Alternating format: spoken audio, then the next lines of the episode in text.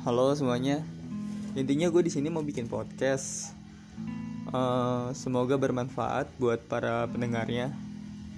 Ambil baiknya, buang buruknya.